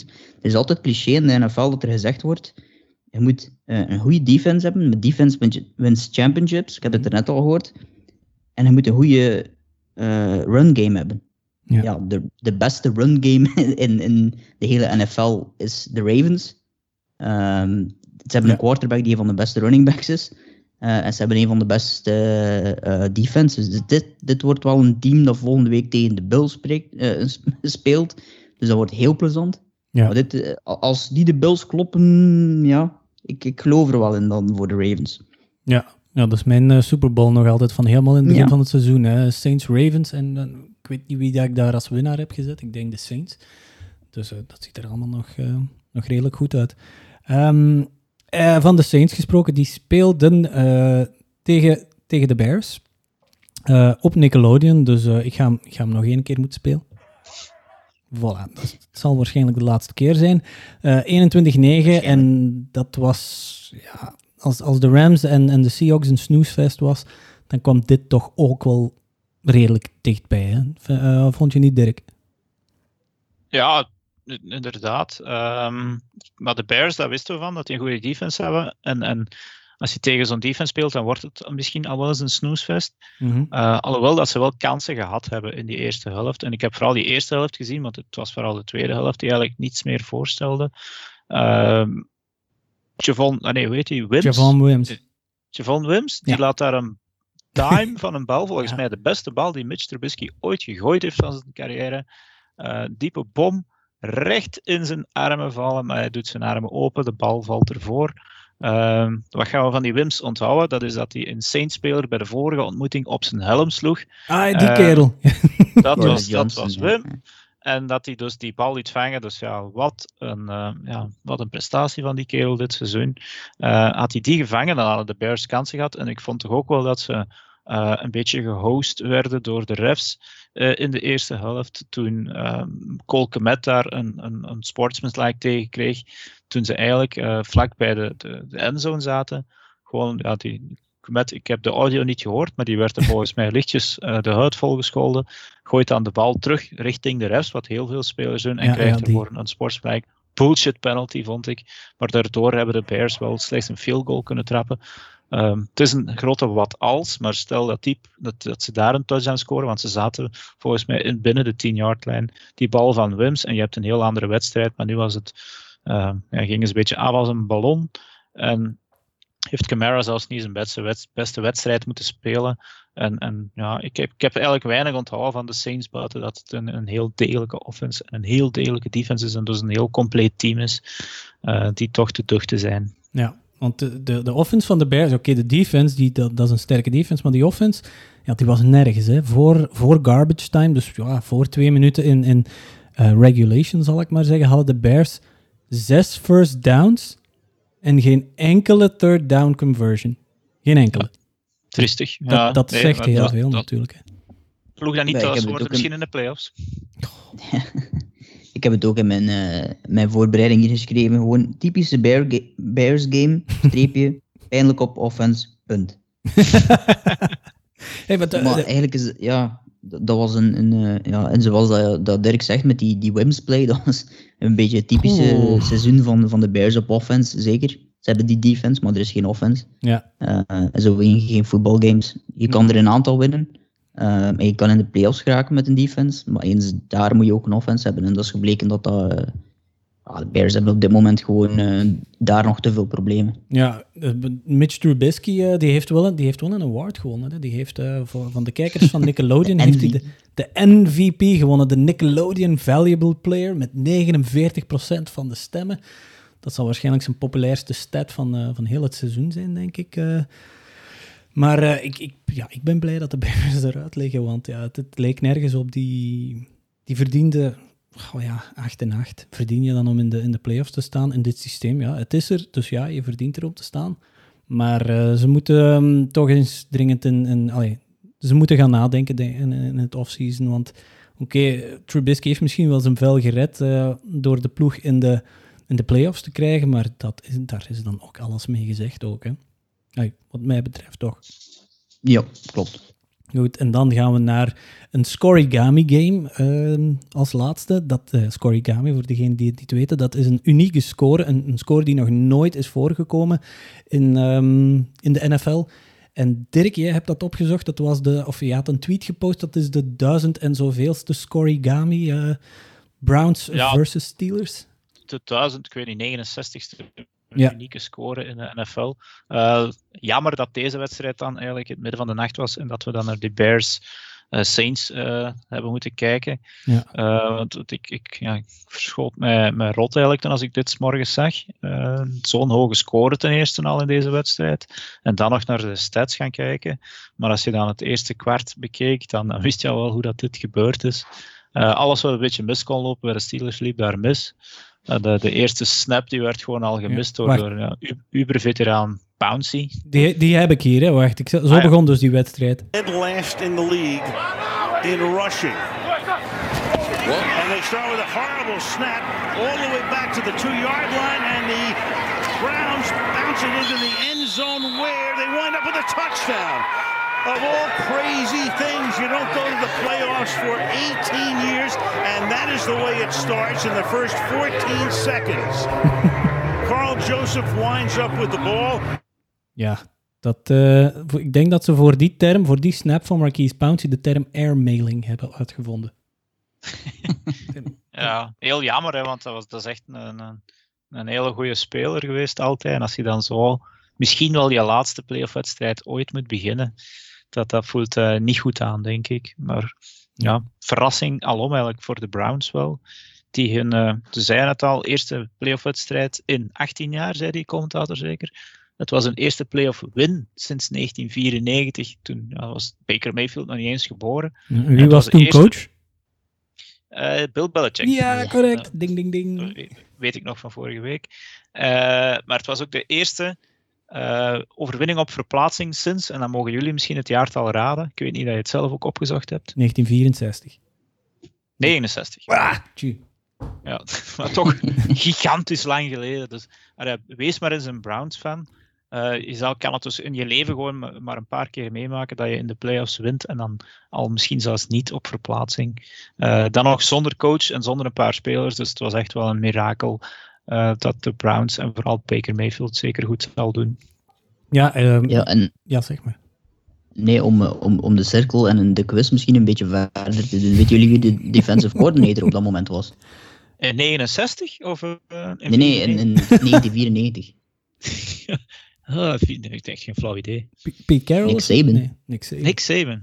Kijk. Om, eh, om de cirkel een beetje rond te maken met wat we er net over, over hadden. Ja. Ja. Ik was min 18 dagen oud toen. Ik ben, eh, ik ben op 19 januari 1994 geboren. Ja. Eh, dus eh goede datum trouwens. Mathieu van der Poel is op de, dezelfde dag geboren, een jaar later. Ehm, maar ja, Laurens is een sportjournalist, mensen. ja nee, het is, het is puur toevallig dat ik dat weet, omdat ik heb het er ooit met hem over gehad. Maar dat is iets anders. Ehm, en, Humble eh, brag. Humble brag. Humble brag. Ehm, ja, het is gewoon iets, i- iets bijzonders straf. Hè. Eh, zo lang geleden, in, in mijn, eh, letterlijk in mijn, leeftijd, in mijn, mijn leven nog nooit meegemaakt. De laatste playoff-wedstrijd was in 2002 ook tegen de Steelers. Maar dat is waarom de NFL zo leuk is. Hè. Het kan Ja. zo lang duren tot, tot het weer goed gaat. En, en het kan ook zo lang weer duren tot het slecht gaat. Met de Patriots was het dan misschien een beetje het omgekeerde. Ehm, maar ja, ik heb nooit anders geweten dat de Cleveland Browns dat dat een, een soort ja, dogshit voetbalteam was die altijd verloor. Ja. Eh, en eigenlijk 2000, was het 2015, 2016 De alles 0-16. verloren. Ja, 0-16. Eh, Ja. ja, het jaar, het jaar voor Baker Mayfield. Ja, het jaar voor Baker Mayfield. En, en eh, de reden waarom ik daarop teruggrijp is, eigenlijk is het altijd, het is eigenlijk de moeilijkheid van de simpele keuze. Omdat op het einde van het verhaal, wat, hebben ze, wat heb je nodig om, om succes te hebben? Daarom nog niet een Super Bowl te winnen, maar wat heb je nodig om succes te hebben? Goede quarterback. Mhm. Het jaar daarna hebben ze een goede quarterback gehaald. In Baker Mayfield, je kunt dan nog discussiëren hoe goed is die quarterback, maar speelde goed dit weekend. Ehm, en ze hebben ook een goede headcoach nodig. Die hebben ze gevonden in St- eh, Kevin Stefanski. ja. Ehm, maar beide keuzes waren niet evident. Baker Mayfield was niet de evidente number one overall. Ja, er werd uiteindelijk wel zo gekozen, maar er waren toch nog wel wat vraagtekens. Eh, Kevin Stefanski is de, zijn debuut als headcoach. Ehm, dus het, het lijken simpele keuzes om te zeggen, we hebben een goede headcoach nodig, we hebben een goede de- ehm, quarterback nodig en die twee moeten goed kunnen samenwerken. Dat lijkt heel simpel, maar als je dan weet dat ehm, Joe Thomas, die in heel die periode eh, left tackle was voor de Cleveland Browns, voor 14 jaar denk ik, heeft 28 verschillende quarterbacks eh, zien passeren. Eh, ja, letterlijk zoveel. Dus dat wil zeggen dat er per seizoen minstens twee gepasseerd zijn. Of ja, sowieso één, twee gepasseerd zijn. Dus dat is ja, bijzonder straf om na te denken dat er zoveel gepasseerd is. Dat het uiteindelijk na een volledig winloos seizoen men eigenlijk aan de weg opnieuw naar omhoog begonnen is. En eigenlijk in een hele korte tijd, eerst nog met Hugh Jackson, daarna Freddie Kitchens. Freddie Kitchens, die misschien een van de slechtste headcoaches was die we ooit gezien hebben in de NFL de laatste jaren. Nu met Stefanski hebben ze eigenlijk het tegenovergestelde gehaald. Dat eigenlijk in een, een aantal jaar, die 25 jaar, um, en al die jaren daarvoor, uh, ik kan niet zeggen teniet gedaan worden, maar op zijn minst toch wel ja. uh, heel veel goed, goed maken in een aantal jaar tijd. En dat is wel straf, dat dat van zo laag naar zo hoog kan gaan. Ja, ja. ja. Ik, had, ik had het daar straks ook nog over die, die punt van, uh, uh, van de Titans, door, uh, als beslissing van Mike Vrabel. Ook in deze match, toevallig ook in Mike. Dus de Mikes die komen er niet echt goed uit dit weekend. Um, ze, ze, ze, zijn terug in de wedstrijd gekomen, hè, de, de, de Steelers. Oké, okay, na één kwart stond het 28-0, alsjeblieft. Op den duur was het 35-7. Um, maar dan scoren de, de, de, Steelers 13 punten in de... Ah, 10, 10 punten in de, in de tweede kwart, 13 punten in, um, in het derde kwart. En, en um, op een bepaald moment, de Steelers zijn terug goed bezig. En Mike Tomlin beslist om te punten op fourth and short op de 40-yard line van je tegenstander. Die punt die ging de eindzone uit en geeft de Browns dan een hele keer goede field position.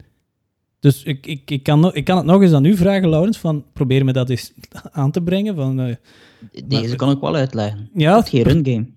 Ja. Dus and short, je hebt een run game nodig. Maar je hebt geen. Ja, de, de, de, de, run, de lucht gaat gewoon... Allee, hoe moet ik het zeggen? Ben niet snel. Ze, ze, kwamen, ze waren volledig terug, ze waren volledig aan het terugkomen. Die, die, die Ja, momentum maar- die zat er maar- helemaal dus- in, dus and je- short. Dus nog smijt je, smijt je Ben de Roethlisberger gewoon los over die... Een een quarterback sneak. Het was fourth and short.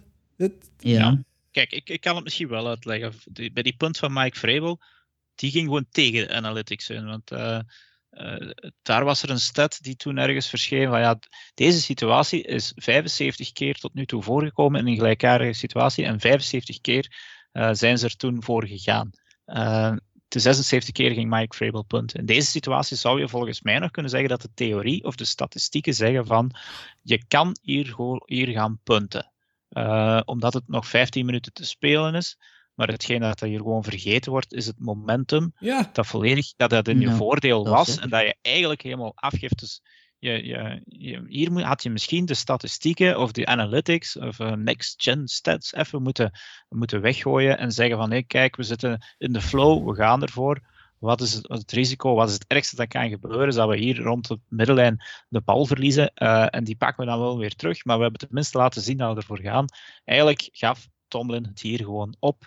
En het is dan ook gebleken, want eh, de, de Browns zijn dan, hebben dan gescoord en zijn op 42-23 gekomen. ja, En het was game over. Dus het was echt wel een gigantisch slechte beslissing. En raar dat er zo twee op één weekend en dan nog in de playoffs vallen. ja, want, want hij neemt, ze nemen dan ook nog een, een, een delay of game. Bij die, Ja. dat, dat Ja, ook dat, nog dat, dat begrijp ik dan ook weer. Dat is omdat je punter eh, anders te dicht Ja. bij de endzone staat, Of omdat hij er anders yards. zeker zou intrappen. Maar die- ja, dat was dus nu nog altijd het geval. Dus ja, voilà. Want, eh, ja, brain fart tot en met. Oké, ik mag me eigenlijk niet opjagen in wedstrijden van de fucking Steelers, maar eh, ja, ik begrijp het Ja, niet. nee, maar ja, Big, Big Ben gooit eh, vier interceptions. Hij gooit wel over de 500 yards In in die wedstrijd. time. Ja, als je zo ver achter is staat. dan- 28. Ja, nee, maar dat is toch Ja. op zich. Als je gewoon naar die stats kijkt, denk je van hm, 501 yards, vier touchdowns. eh, maar er staan evenveel INT's tegenover. Dus Ja, ja. eh, ja, erg dat het, dat het dan zo moet gebeuren voor, voor Big Ben, die achteraf ook echt wel als een zak patatten eh, op de bank zat. eh, Hij en- was aan het en wenen zelfs. Ja, hij was aan het wenen. Ik kan het begrijpen, hè, want eh, het zou maar eens. eh, voor zo'n spelers kan het zomaar eens gebeuren dat dit je laatste wedstrijd was. De Steelers hebben een topploeg die eigenlijk dicht bij eh, een, een, een Super Bowl waardig team zitten, maar er ontbreken een paar dingen. Zijn er vooral een running back eh, in misschien een G. Harris. Mhm. En misschien ook gewoon een jonge mobiele quarterback. of Doug Hodges. ja, niet Doc Hodges. Niet, het zou kunnen dat ze, dat, dat ze het nu een jaartje gaan aan, aanmodderen ehm, met Mason Rudolph. ja. Ik was bijna zijn naam kwijt, die held. En, en dan nog eens een hoge pick eh, oprapen om dan echt die push richting eh, de Super Bowl te maken. Maar ik denk niet dat het toch met, nog met Big Ben gaat gebeuren. Nee, oké. Goed, dat was eh, Super Wildcard Weekend. En dan kijken we vooruit naar de Divisional Round.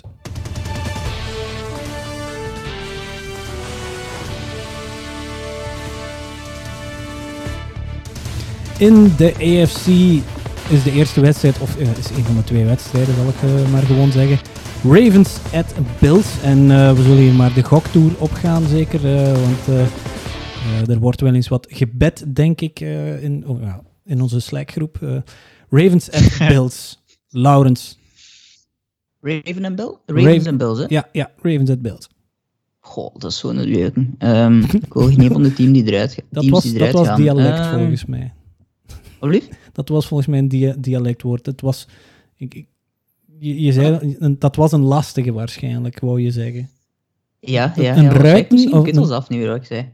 Ik, ik weet het niet, een of ander Waaslands woord. Eh, Ik ben niet van het Waasland, ben van Vlaamse Ardennen, maar ehm, goh, ik ga toch voor de Bills. ja, ja. En, en wat zal daar de, doorgevende, ah, de doorslaggevende factor zijn dan?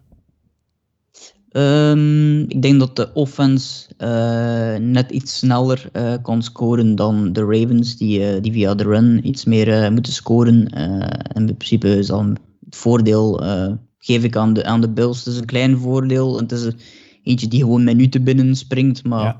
Misschien als ik eh, nog veel meer eh, statistieken bekijk, dat ik het omgekeerde denk. Ik denk dat deze wel deze, ja, de wedstrijd, denk ik, in mijn ogen. Ja. Ehm, en het moeilijkste om in te schatten. Eh, maar toch de Bills, omdat Josh Allen en eh Stephon Diggs en ook wel de front office van de Bills, die zo'n fantastische job gedaan hebben om in een aantal jaar eh, te bouwen rond, de Bill, eh, rond Josh Allen, eh, het wel gun. Oké, Dirk? Ja, ik, ik neig ook lichtjes naar de Bulls. De Ravens zijn, ja, die zijn wel een beetje on fire geweest, maar dat is bij de Bills ook het geval. Eh, Maar de Ravens hebben toch nog iets zwakkere momenten gehad. Bij, ze zijn nu van een 10-0 achterstand teruggekomen. Ik weet niet of ze dat twee keer kunnen doen. En je moet Josh Allen en die Bills kunnen volgen als zij weer zo ja, helemaal heet uit de startblokken schieten. Dus ik geloof inderdaad, en ik hoop het eigenlijk ook een beetje, dat de Bills doorstoten. Eh, want ze zijn voor mij de grote Super Bowl kandidaat eh, in de AFC. Ja, oké. dan, eh, ik, ik moet eigenlijk voor mijn voorspelling van de, van de Super Bowl, moet ik de Ravens eigenlijk als winnaar aanduiden, maar ik ga dat niet doen. Ehm, jammer voor Lamar Jackson, maar dan gaat zaterdag jouw traject in de playoffs eindigen. Nee, ik geef inderdaad ook de Bills meer kans om te winnen. Waarom? Ja, die, die, die passing game van de Bills, daar, eh, daar gaat volgens mij niet echt veel tegen te beginnen zijn. Eh runnen gaan ze niet moeten doen, zeker nu dat Zach Moss is uitgevallen als die speelt. Geen idee. Maar alleen met Devin Singletary. En wie was dan die vervanger, Dirk? Devonta Freeman. Devonta Freeman, Devonta ja. Freeman van de Giants. Eh, ik weet niet dat ze, daar, eh, dat ze daar veel op moeten rekenen. Zeker niet als je ziet hoe dat de Ravens de, de, de, de run van Henry hebben gestuft. Dat, dat, mag zelfs geen optie zijn volgens mij voor de Bills om, om volledig op de run te concentreren. De volgende AFC-wedstrijd is dan de Browns at Chiefs. Eh, dan ga ik bij Dirk beginnen. Ja, ik- ja, ik zie hier eh, staan dat de Chiefs eh 10 punten favoriet zijn. Hmm. En ja, de logica, alle logica zegt dat de Chiefs dit dus heel gemakkelijk moeten winnen. Maar ik ben al sinds ja, de helft van het seizoen eigenlijk niet meer onder de indruk van de Chiefs. Of ze moeten mij misleiden en de hele tijd met de voet van het gaspedaal aan het spelen geweest zijn. Ehm, maar dan komen ze hier nu de Browns. Dus ik dacht, ja, de Chiefs kunnen wel eens te- tegen een, een, een blauwtje, eh, kunnen wel eens een blauwtje oplopen. Maar dan tegen de Browns gaan ze het daar dan tegen laten liggen? Dat waarschijnlijk ook weer niet. Dus ik neig hier te zeggen, Chiefs zullen wel winnen. Maar als ik een gokje moest wagen, zou ik toch die, dat tien, eh, die, die min 10 durven gokken. En ze denken dat de Browns het toch nog spannend kunnen maken met eh, Nick Chubb en Kareem Hunt. En eh, ja, hopelijk ook met Kevin Stefanski dan wel naast de lijn. Eh, de Browns hebben niks te verliezen. Oké, Dus Laurens? Wie weet. Ja, wat Dirk zegt. Ehm, ik denk ook dat het closer zal zijn dan, eh, dan, dan inderdaad die, die 10 punten.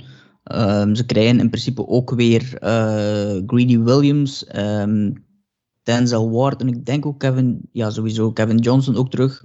Eh, drie cornerbacks, dus dat is wel extra handig voor de Browns om tegen, hè, de- tegen de Chiefs een aantal extra cornerbacks te hebben en een aantal goede ook. Eh, maar dan nog, de Chiefs zijn te goed. Ja, Ja. oké. Misschien, ze- misschien dus, nog één bedenking. Hè. Die Chiefs, een heel deel van die spelers hebben nu al twee weken gerust. Dus ik weet Ja, niet dat is een probleem. Hè. Wat dat voor gevolgen gaat hebben. Hè. Ze hebben die bye gehad, maar daarvoor hebben ook al een aantal starters niet gespeeld. Eh, dus ja, ze zullen waarschijnlijk geen 28-0 achterstaan na het eerste kwart, maar ik denk dat de Browns toch nog wel een je tijdje voor. kunnen volgen.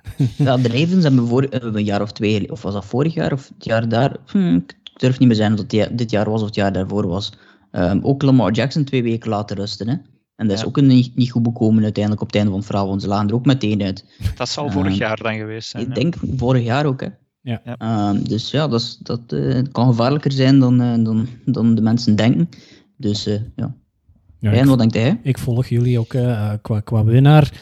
Ehm, de Chiefs, en inderdaad, maar ook hopende ook dat het redelijk close gaat worden. Want eh, ja, Dirk haalde het ook al aan. De Chiefs die spelen inderdaad al niet echt indrukwekkend de laatste weken van het seizoen, of van de helft van het seizoen. Het, het viel inderdaad echt wel op. Dat, dat er niet meer echt gedomineerd wordt, maar dat is misschien wel een, een, een soort van gameplan van, van Andy Reid. Maar pff, ik weet het Ja. niet. Ik, ik wil dat niet geloven eigenlijk. Misschien nog één opmerking. Het kan misschien ook, eh, dat is aan de andere kant dat ik redeneer, helemaal die andere kant uitslagen. En dat de Browns nog eh, op hun high van die eerste win zitten en gewoon eh, totaal Ja. niet thuisgeven wat dat met Baker Mayfield wel eens gebeurt. En dat dat dan toch echt een, echt een pak rammel wordt. Ehm, waardoor wij om, om, om 11 uur misschien al zondagavond niks meer te zien hebben. Dus laat ons hopen van niet. Alright. De Buccaneers at the Saints. The Battle of the Bompas, zullen we het maar noemen, zeker. Ehm, Brady tegen Breeze. Hè. De, misschien de laatste wedstrijd van beide. Ah, Brady waarschijnlijk niet, maar van Breeze lijkt dat vrij zeker te zijn. Laurens. Ja, ehm, ja, op een of andere manier heb ik het altijd wel, eh, wel voor de Saints, omdat die defense wel, eh, zeker op de run, een, ehm, ja, toch wel heel erg goed speelt. Eh, dus ik ga de Saints nemen. Ik denk dat dat die ook al twee keer gewonnen hebben dit seizoen van de Bucks. En zeer overtuigend zelfs. En zeer overtuigend, inderdaad. Ehm, en en het, de, de, ik denk, ik wist het zeker, maar ik was aan het denken. ehm, er was een statistiek dat ook bijna altijd de, degenen die, die geswapt hebben in de divisie, als die dan elkaar weer tegenkomen in, eh, wat zijn we nu, Eh, divisional, Division. dat die ook bijna altijd ehm, winnen in, eh, in de divisional round. Eh, dus ik ga voor de Saints. eh, omdat ik Drew Brees nog wel een laatste kunstje wil zien opvoeren met, eh, met Camara, eh, met Michael Thomas, met eh Sean Payton. Ja, Dirk. Ik durf niet tegen Tom Brady. Mm. Het is altijd kloten om tegen hem te winnen. Ja, nee, maar ja, ik, er is, ik zal één statistiek zeggen. Eh, Tom Brady heeft 42 playoff-wedstrijden gespeeld en er 31 van gewonnen. Ja, Dat en? kan echt niemand, niemand anders zeggen, dus hij is ook nog eens een playoff-beest. Ehm, ik vond, mag je eigenlijk ook niet vergeten, hij speelt niet meer bij de Patriots, hij speelt nu bij de Buccaneers. Dat is een team dat ook al heel lang geen playoff-wedstrijd meer gewonnen had. Ik dacht dat Nee. ze zo sinds eh, de, de, de gewonnen wedstrijd, eh, de gewone Super Bowl, was dat 2002, eh, dat die zelfs geen, geen, geen playoff-wedstrijd meer gewonnen hadden. Dus dat, die organisatie die, en heel veel van die spelers die weten ook niet wat het was om in de playoffs te spelen. Dat is nu wel gelukt tegen, tegen Washington. Oké, hakken over de sloot, maar ze zijn misschien nu vertrokken. Het, ja, Tom Brady, ik, ik durf niet tegen hem gokken. Zijn diepe ballen komen aan. Hij heeft al die receivers. Uh, Antonio Brown, uh, Gronkowski had hij zelfs niet nodig uh, dit, dit weekend. Die heeft dan zijn functie als blokker supergoed gedaan. En Cameron Braid als jonge, um, als jongere tight end aan zijn werk laten doen als, als, als balafhanger. Dus ik, het is sowieso volgens mij een close game. Niet die, die, dat pak slaag van de vorige twee keer. Ah, 38-3, hè? Ja, ja 38-3. Goed, maar ja, dat was nog een andere periode, zal ik maar zeggen. Dit is Tom Brady in de playoffs. En ik uh, zou hier mijn geld op uh, de Buccaneers zetten. Hmm. Oké. Okay. Ja, jij niet, denk ik. Hè? Nee, ik ga dat niet doen. Want toen was, oh, ah, tijdens de, dat 38-3 pak slaag, was, was bijvoorbeeld Antonio Brown, was er toen ook al bij. Chris Godwin, Mike Evans, Rojo, Brady, uh, Gronkowski. Ja, ja, waren er allemaal bij. Ja, maar ze waren er allemaal bij. Hè? Tom Brady in de playoffs is iets anders. Ja, Rijn, Laurens. De, Denk snel en zeg wie de beste quarterback is. Kendall Hilton of Tom Brady? Tom. Ze hebben evenveel punten gescoord tegen de Saints, hè? Ah, ja. Brady. Ja, bedoel, dus, Ja, dus, tuurlijk eh, vandaar dat mijn, mijn Saints eh, mijn pick waren. dat is wel letterlijk waar. Eh, ze hebben in een, in een wedstrijd evenveel punten gescoord tegen de Saints dit seizoen. Ah, voilà. Kijk. Dus, dat is wel een leuke statistiek. Nee, ik ga, voor, de, ik ga voor de Saints gaan, ook al... De Bucks, hebben de, wedstrijd, vooral duidelijk. de Bucks hebben wel de number one eh, ground defense. Dus dat wordt heel interessant tegen Camara. Maar ik denk toch dat de, de, de defense van de Saints... Ja, ze hebben tweemaal dit seizoen al de, de, de sleutel gevonden om, om, om, om Brady gewoon tegen te houden. Dus waarom niet een derde keer? Dit is niet zomaar toevallig dat ze twee keer hebben gewonnen. De derde keer was gewoon pure, domi ah, ja, was pure dominantie. Dus voor mij, de Saints, het gaat closer zijn. Ah, het zal, zal one score zijn volgens mij, dat wel. Dan ehm, de eerste wedstrijd die wij kunnen zien hier, dat is zaterdagavond om ah, 25 voor 11. eh, dat is de Rams at Packers. Dus de, een, ploeg van Los Angeles gaat naar de Frozen Tundra van Lambeau moeten gaan. Laurens, wie zie jij hier winnen? Ehm, wie zie ik hier winnen? Ja. De Packers. Ah. Ehm, op wie ga ik wedden? De Rams. Eh, dat, is, om het heel simpel te houden. Eh, omdat ik die discussie daarnet al had over, over hetgene wat ik al dacht over de Rams en de Packers. Ik denk dat de Packers het gaan halen, maar als ik geld wil verdienen, dan ga ik bij, eh, bij de Rams een zakje geld neerzetten. Ja. Oké, Dirk?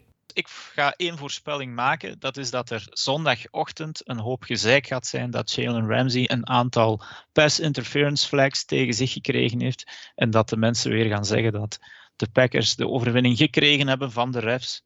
Ehm, en dat Devante Adams dus alleen gestopt kon worden met een penalty, al dan niet. Dus ik geloof in een overwinning van de Packers. Eh, ik hoop dat er iemand anders naast Devante Adams ook zal opstaan. Maar als Aaron Rodgers zijn MVP-niveau doortrekt, moeten de Rams eigenlijk geen kans maken. Want wie gaat de punten scoren bij de Rams? Ik weet het niet. Ja, inderdaad. Cam Akers dan? Ja. Ja, inderdaad. Eh, Cam Makers kan wel eens een pijnpuntje zijn bij de Packers, eh, gezien die toch twijfelachtige run defense. Ehm, ook bij de Rams hoop ik dan toch stilletjes dat ik wel de blessure van Aaron Donald, en dat, is, dat voelt vies aan om te zeggen dat die erger is dan, dan, dan gedacht, maar een, ribble, maar een ribblessure, dat, dat los je zeker niet als, als een speler als Aaron Donald. Als je dan een ribblessure hebt, ja, als, als, als, als speler op die positie, ja, bij elke play lig je gewoon op je ribben. Hè? Ik weet het niet. Eh, tenzij dat ze die helemaal vol met pijnstillers gaan pompen, ehm, ja, gaat hij toch niet, hij gaat niet 100% zijn. Dus dat hoop ik toch ook wel stilletjes. Die, ehm, die voorspelling van jou, van Jalen Ramsey, ja, het is, een, het is een praatjesmaker. Dus ja, dat kan inderdaad wel eens goed zijn dat hij zijn mond ook weer niet kan houden op het veld. Maar ja, Rodgers moet op eh Davante Adams vertrouwen. Maar omdat, eh, omdat Jalen Ramsey, sorry, omdat Jalen Ramsey zo, zo als een teken over Davante Adams gaat liggen, gaat Rodgers toch meer vertrouwen moeten hebben in zijn andere receivers, waaronder die Velde Scantling, die altijd wel één dramatische drop in de wedstrijd doet, en meestal op een zeer belangrijk moment. Eh, en dan heb je nog Robert Tonyan. Dat- Ik denk dat die iets bepa- bepalender gaat zijn dan, dan bijvoorbeeld een MVS. En dan de ground game van, ehm, van de Packers via, via Jones. Dat, eh, ja, dat komt wel goed. Ik geef de Packers ook de W.